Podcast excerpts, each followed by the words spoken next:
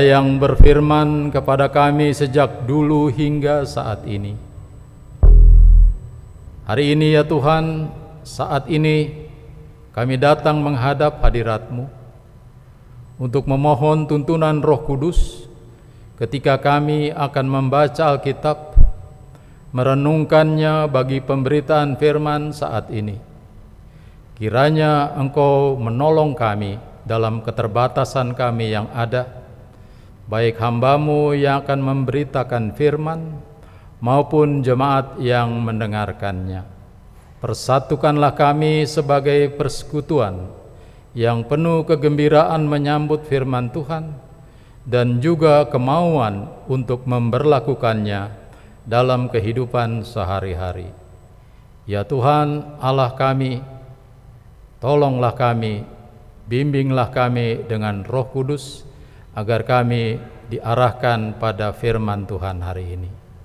Ya Tuhan Allah yang hidup, berfirmanlah kepada kami, karena kami semua bersedia untuk mendengarkannya. Di dalam nama Tuhan Yesus, firman yang hidup, kami bersyukur dan kami memohon. Amin. Sidang jemaat Tuhan, Bacaan Alkitab pada hari ini diambil dari bagian Perjanjian Lama, yakni dari kitab 2 Raja-Raja pasal 5 ayat 1 sampai dengan 14 di bawah judul bacaan atau perikop Naaman disembuhkan. 2 Raja-Raja pasal 5 ayat 1 sampai dengan 14 beginilah isinya. Naaman panglima raja Aram adalah seorang terpandang di hadapan tuannya dan sangat disayangi.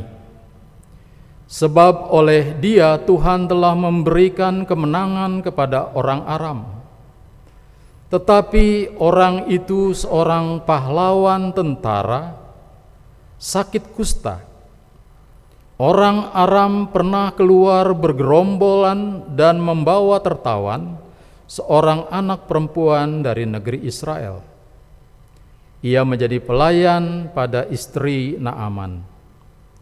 Berkatalah gadis itu kepada nyonyahnya, Sekiranya tuanku menghadap nabi yang di Samaria itu, maka tentulah nabi itu akan menyembuhkan dia dari penyakitnya. Lalu pergilah Naaman memberitahukan kepada tuannya, katanya, Beginilah, beginilah dikatakan oleh gadis yang dari Israel itu. Maka jawab Raja Aram, Baik, pergilah dan aku akan mengirim surat kepada Raja Israel. Lalu pergilah Naaman dan membawa sebagai persembahan sepuluh talenta perak dan enam ribu shikal emas dan sepuluh potong pakaian. Ia menyampaikan surat itu kepada Raja Israel yang berbunyi, Sesampainya surat ini kepadamu maklumlah kiranya, bahwa aku menyuruh kepadamu Naaman pegawaiku supaya engkau menyembuhkan dia dari penyakit kustanya. Segera sesudah Raja Israel membaca surat itu, dikoyakannya lah pakaiannya serta berkata, Allahkah aku ini yang dapat mematikan dan menghidupkan, sehingga orang ini mengirim pesan kepadaku supaya kusembuhkan seorang dari penyakit kustanya. Tetapi sesungguhnya perhatikanlah dan lihatlah, ia menjadi gara-gara terhadap aku. Segera sesudah didengar Elisa abdi Allah itu bahwa Raja Israel mengoyakkan pakaiannya, dikirimnyalah pesan kepada Raja bunyinya, Mengapa engkau mengoyakkan pakaianmu? Biarlah ia datang kepadaku, supaya ia tahu bahwa ada seorang nabi di Israel. Kemudian datanglah Naaman dengan kudanya dan keretanya, lalu berhenti di depan pintu rumah Elisa. Elisa menyuruh seorang suruhan kepadanya mengatakan, "Pergilah mandi tujuh kali dalam sungai Yordan, maka tubuhmu akan pulih kembali, sehingga engkau menjadi tahir." Tetapi pergilah Naaman dengan gusar sambil berkata, "Aku sangka bahwa setidak-tidaknya ia datang keluar dan berdiri memanggil nama Tuhan Allahnya." lalu menggerak-gerakkan tangannya di atas tempat penyakit itu dan dengan demikian menyembuhkan penyakit kustaku. Bukankah Abana dan Parpar sungai-sungai di Dam, sungai-sungai Damsik lebih baik dari segala sungai di Israel? Bukankah aku dapat mandi di sana dan menjadi tahir? Kemudian berpalinglah ia dan pergi dengan panas hati tetapi pegawai-pegawainya datang mendekat serta berkata kepadanya, Bapak, seandainya nabi itu menyuruh perkara yang sukar kepadamu, bukankah Bapak akan melakukannya? Apalagi sekarang ia hanya berkata kepadamu, mandilah dan kau akan menjadi tahir. Maka turunlah ia membenamkan dirinya tujuh kali dalam sungai Yordan, sesuai dengan perkataan abdi Allah itu. Lalu pulihlah tubuhnya kembali seperti tubuh seorang anak dan ia menjadi tahir. Saudara demikian firman Tuhan hari ini. Berbahagialah kita yang mendengarkan firman Tuhan, memeliharanya dan melakukannya di dalam hidupnya. Haleluya. Haleluya. Haleluya.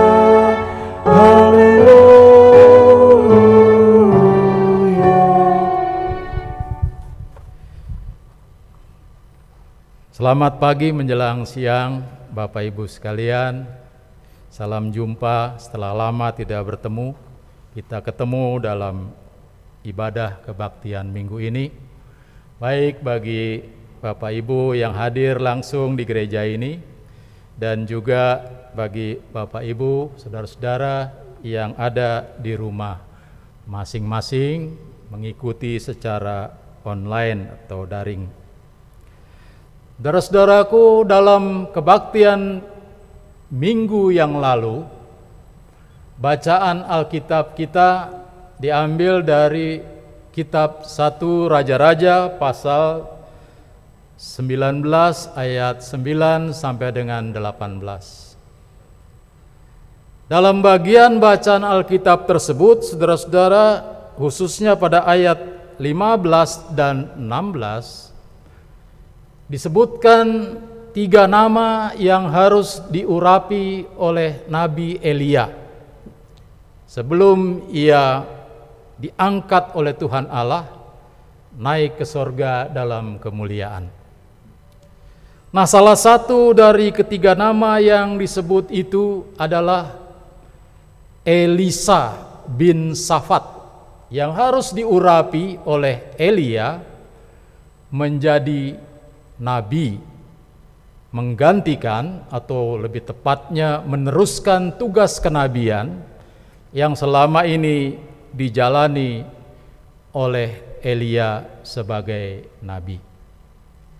Nah kini dalam bacaan Alkitab kita hari ini dari kitab 2 Raja-Raja pasal 5 ayat 1 dengan 14 Elia mulai menjalankan tugas kenabiannya menggantikan Elia yang naik ke surga itu diangkat oleh Tuhan Allah.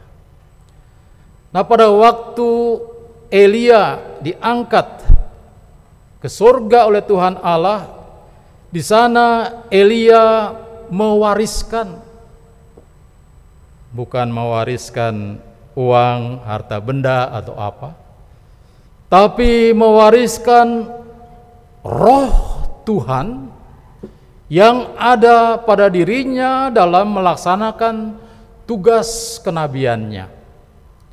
Sehingga dengan pewarisan roh, kuasa roh dari Tuhan itulah Elia, Elisa kemudian menjalankan fungsi kenabian dengan sangat signifikan, saudara. dengan sangat tampil ke depan begitu rupa untuk menyuarakan kebenaran, menyuarakan apa yang harus ia lakukan sebagai nabi Tuhan, Saudara. Kuasa roh Tuhan Allah yang diwarisi itu ternyata berbuah nyata dari diri Elisa berupa berbagai tindakan kebaikan, saudara. Dan itu terjadi di awal-awal tugas kenabian dari Elisa tersebut.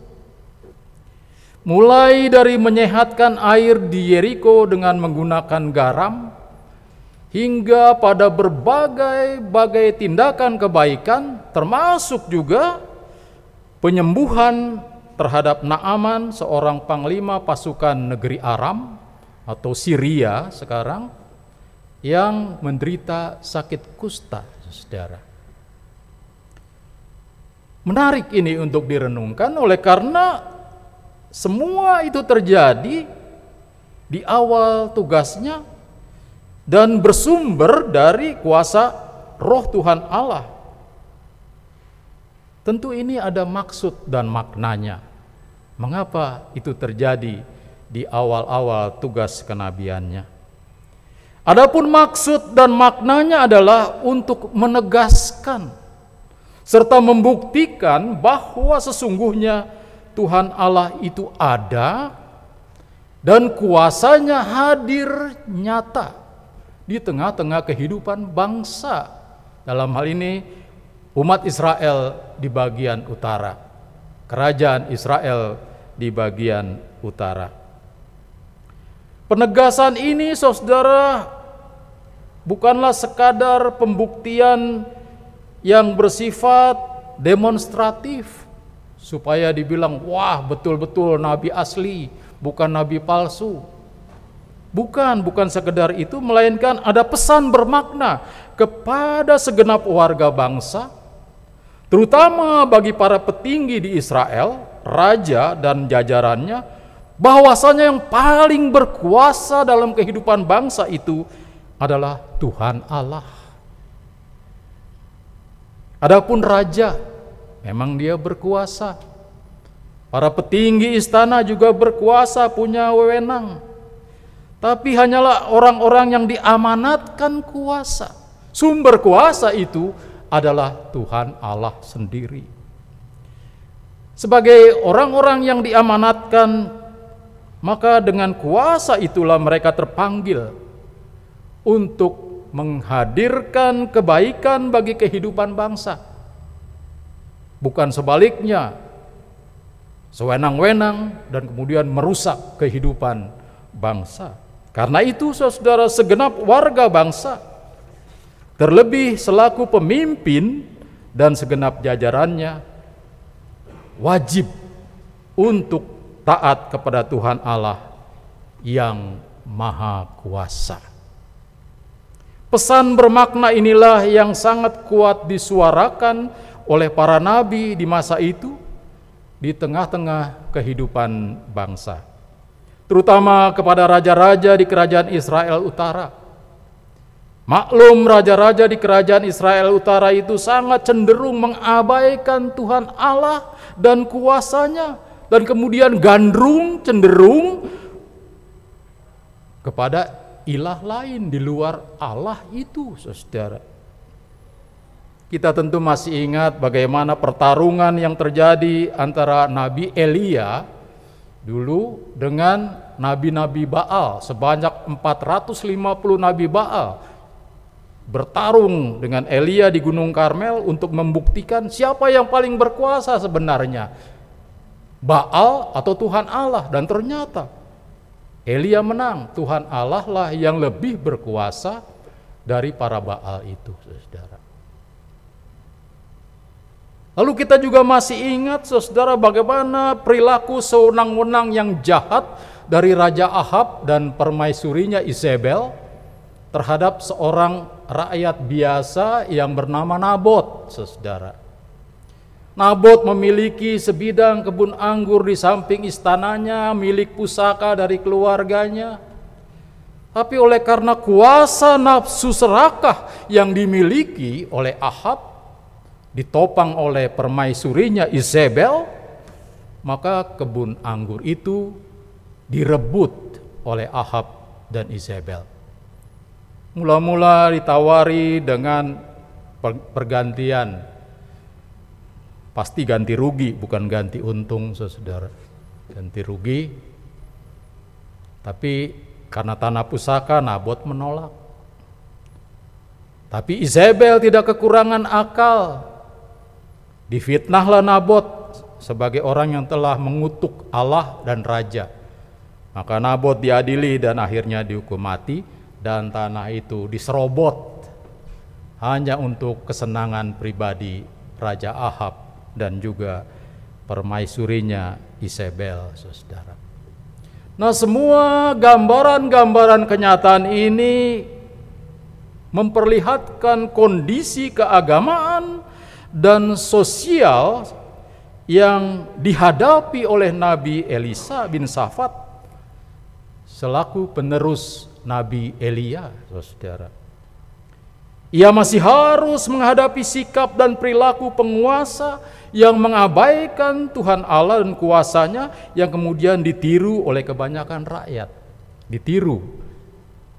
Pemimpin tidak baik, rakyatnya jadi ikut-ikutan meniru tidak baik. Walaupun ada tentu yang tetap berjalan pada jalan yang benar. Tapi kebanyakan mengikuti keburukan-keburukan yang terjadi.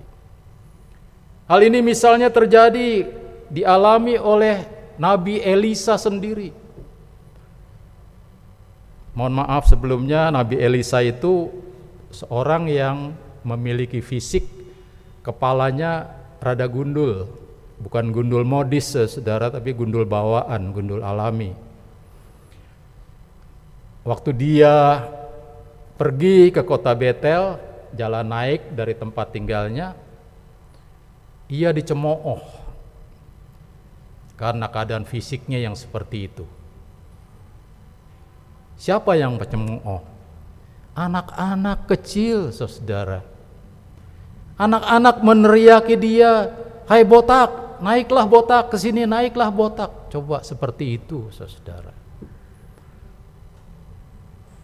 Jadi dari gambaran seperti ini terlihat bagaimana kondisi mental, moral, spiritual, dan sosial, keadaan warga bangsa itu sangat begitu parah, saudara. Tergambarkan betapa parahnya kondisi mental, spiritual, dan perilaku sosial saat itu.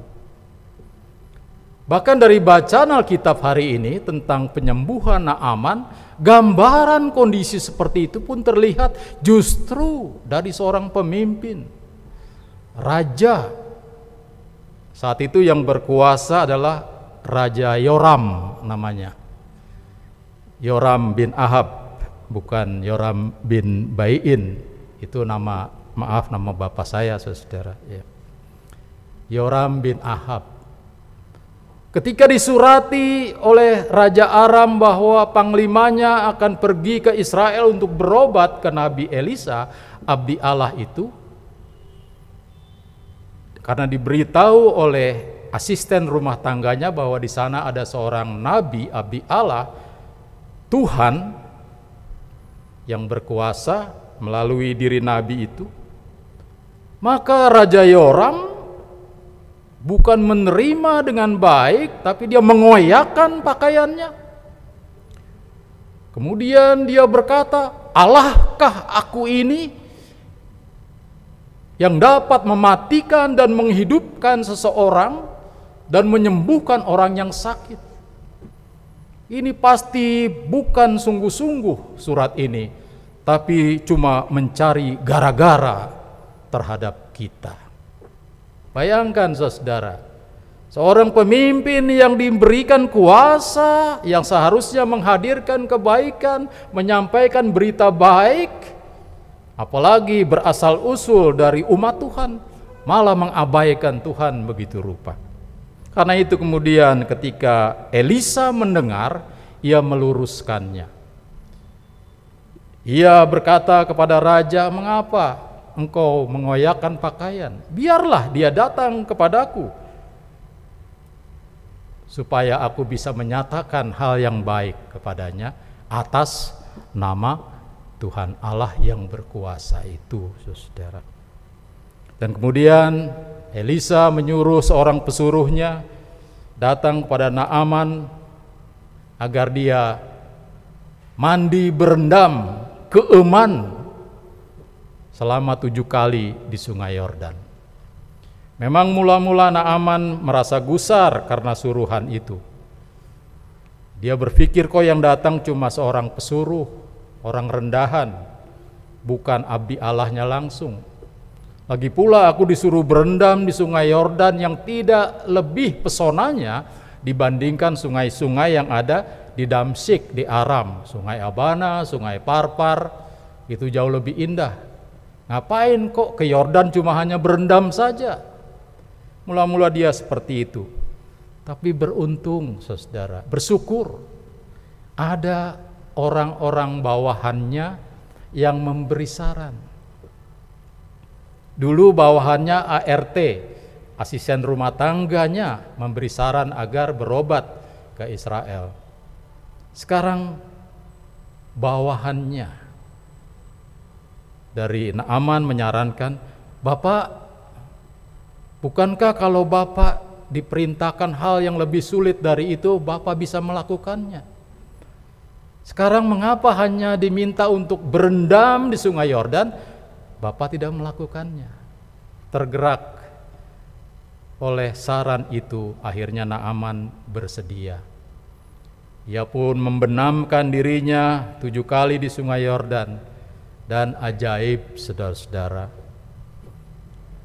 Naaman ternyata sembuh, dipulihkan, menjadi tahir dari sakit kusta yang dideritanya.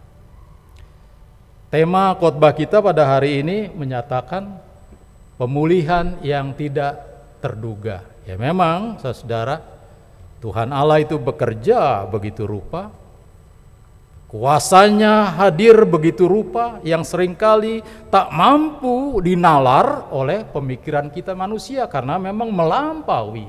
Kuasa Tuhan itu melampaui nalar pemikiran manusia. Jadi wajar kalau memang tak terduga tapi esensinya jelas bahwa Tuhan Allah itu ada, kuasanya itu hadir di tengah-tengah kehidupan manusia dan manusia terpanggil dalam keyakinan kepada Allah yang berkuasa itu untuk mewartakan menjadi kebaikan dalam kehidupan yang dirasakan oleh manusia. Saudara, setelah sembuh apa reaksi Naaman? Saudara? Kalau kita membaca ayat-ayat 15 sampai dengan 19 lanjutan bacaan Alkitab hari ini, sayang ini tidak diangkat Saudara hanya sampai ayat 14 selesai. Sebenarnya kalau kita baca ayat 15 sampai dengan 19 ini bagus sekali untuk kita renungkan. Menurut ayat 15 Saudara, Naaman kemudian mengakui setelah dia mengalami kesembuhan, di sini, di bumi ini aku baru tahu hanya ada satu Allah. Itu tadi Allah yang menyembuhkan dia dari sakitnya. Dan mulai saat ini aku akan hanya menyembah pada Allah yang satu-satunya ada di bumi itu. Aku tinggalkan ilah-ilah lain, maka aku hanya akan menyembah kepada Allah itu, taat hanya kepadanya. Itu reaksi Naaman saudara. Seperti itu yang ia nampakkan setelah ia beroleh kesembuhan. Berbeda dengan Raja Yoram bin Ahab tadi saudara. Raja Yoram sebagai orang yang berasal usul dari umat Tuhan malah mengabaikan Tuhan. Ia mengoyakkan pakaiannya tadi begitu rupa sehingga sikapnya itu merupakan sebuah ironi ironi yang cenderung absurd saudara sebuah kenyataan berseberangan yang seharusnya tak terjadi sehingga terasa konyol dan tidak masuk akal, saudara. Kok seorang yang berasal usul dari umat Tuhan malah mengabaikan Tuhan Allah itu sendiri, saudara. Absurd sekali, saudara.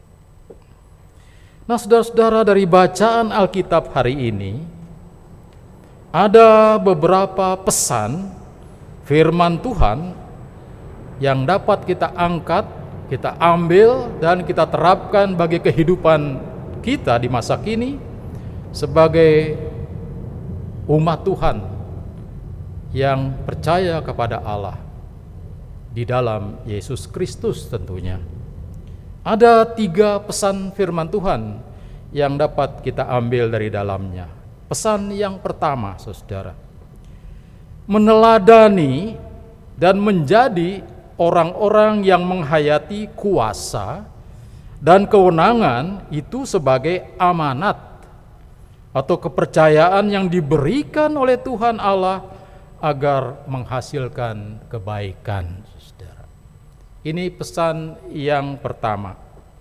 Meneladani dan menjadi orang-orang yang menghayati kuasa dan kewenangan sebagai amanat atau kepercayaan yang diberikan oleh Tuhan Allah agar menghasilkan kebaikan.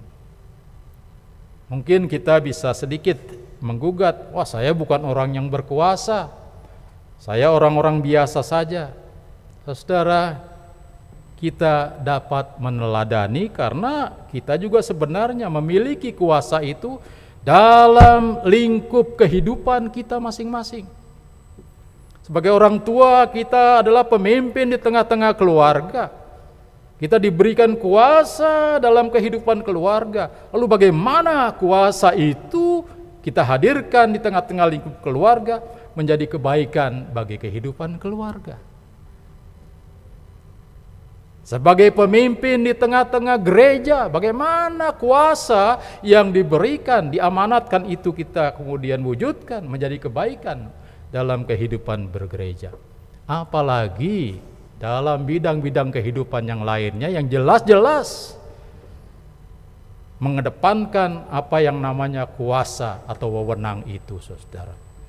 Termasuk dalam kehidupan bermasyarakat dan berbangsa karena adanya pemimpin yang diberikan wewenang itu, saudara.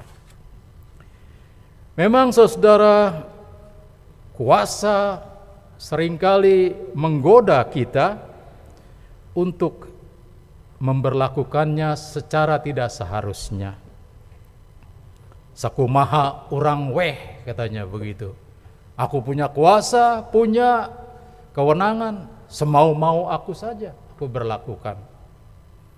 Seperti kata sebuah ungkapan bahwa kuasa itu cenderung untuk diselewengkan, saudara power tend to corrupt. Begitu kata sebuah ungkapan saudara. Nah di sinilah pentingnya penghayatan bahwa kuasa dan kewenangan itu adalah amanat atau pemberian kepercayaan dari Tuhan untuk diberlakukan. Hingga menghasilkan hal-hal yang baik. Nah untuk mencapai penghayatan ini maka pengakuan bahwa Tuhan Allah itu ada dan kuasanya hadir nyata yang disertai dengan ketaatan kepadanya merupakan sikap yang wajib untuk dikedepankan. Nabi Elia, Nabi Elisa, dan juga Naaman dapat kita teladani. Di tengah-tengah kondisi yang masih kita lihat adanya para pemimpin yang mempunyai kuasa yang menyalahgunakan kuasa itu untuk menghadirkan ketidakbaikan kita dipanggil untuk meneladani figur-figur yang seperti ini. Ada pemimpin yang berkuasa tapi yang dihadirkan bukan perdamaian tapi peperangan Saudara sehingga berdampak luar biasa bagi kehidupan umat manusia secara keseluruhan. Kita tahu saudara, akhir-akhir ini terjadi kondisi seperti itu. Peperangan yang hebat dengan persenjataan dari sebuah perintah kuasa yang sewenang-wenang menghancurkan kehidupan ini, saudara. Pesan kedua firman Tuhan hari ini adalah kalau tadi meneladani orang-orang dengan kuasa yang menghadirkan kebaikan, sekarang adalah meneladani sikap orang-orang sederhana yang dipandang biasa-biasa saja seperti sang asisten rumah tangga Naaman, sang pesuruh Nabi Elisa dan juga para bawa Naaman. Itu juga patut diteladani, Saudara. Meski mereka tak memiliki kuasa sebagaimana yang dimiliki para raja, para nabi, juga Naaman, bahkan juga kalau kita tarik dalam konteks masa kini, pemimpin-pemimpin dunia, pemimpin bangsa, tapi mereka adalah orang-orang yang dikaruniai oleh Tuhan. Hati yang murni, pikiran yang jernih, sehingga dengan hati yang murni dan pikiran yang jernih itu mereka dituntun untuk mengakui kekuasaan Tuhan Allah dan terus menuntun mereka untuk taat kepada Tuhan Allah itu. Dan kemudian hasil akhirnya adalah kebaikan yang dirasakan dalam kehidupan dan sesama. Naaman merasakannya. Dari asisten rumah tangganya yang sederhana ia menerima kabar baik bahwa di Israel, di Samaria ada seorang nabi yang bekerja atas nama Tuhan yang berkuasa. Bila berkenan, Tuanku bisa datang ke sana untuk dipulihkan. Kabar baik, kebaikan, saudara. Dari orang yang sederhana. Pesuruh Nabi Elisa, walaupun suruhannya mula-mula tak berkenan kepada Naaman, tapi disuruh berendam tujuh kali dan akhirnya pulih dari sakitnya. Para bawahan Naaman yang tidak memiliki kuasa memberi saran dan bersyukur didengar dan betul kepulihan itu diperoleh oleh Naaman. Orang-orang sederhana yang tidak punya kuasa tapi punya hati yang murni, pikiran yang jernih yang kemudian berbuah kebaikan-kebaikan karena ketaatan mereka kepada Tuhan Allah dan kuasanya, saudara. Sidang jemaat, kita dipanggil juga meneladani orang-orang yang seperti ini, orang-orang yang sederhana, namun tetap diberikan tuntunan untuk mengakui Tuhan sebagai yang Maha Kuasa. Itu pesan yang kedua, saudara. Pesan yang ketiga yang terakhir dari firman Tuhan hari ini adalah meneladani dan menyimak nasihat praktis perihal menghayati dan mewujudkan kuasa yang Tuhan Allah berikan menjadi kebaikan. Perihal teladan ini, maka teladan utama kita adalah Tuhan Yesus sendiri, saudara. Perhatikanlah sikap dan perbuatan Tuhan Yesus berdasarkan kuasa yang dimilikinya. Kuasa itu diberlakukan oleh Tuhan Yesus untuk menghadirkan berbagai kebaikan bagi kehidupan yang dirasakan oleh manusia.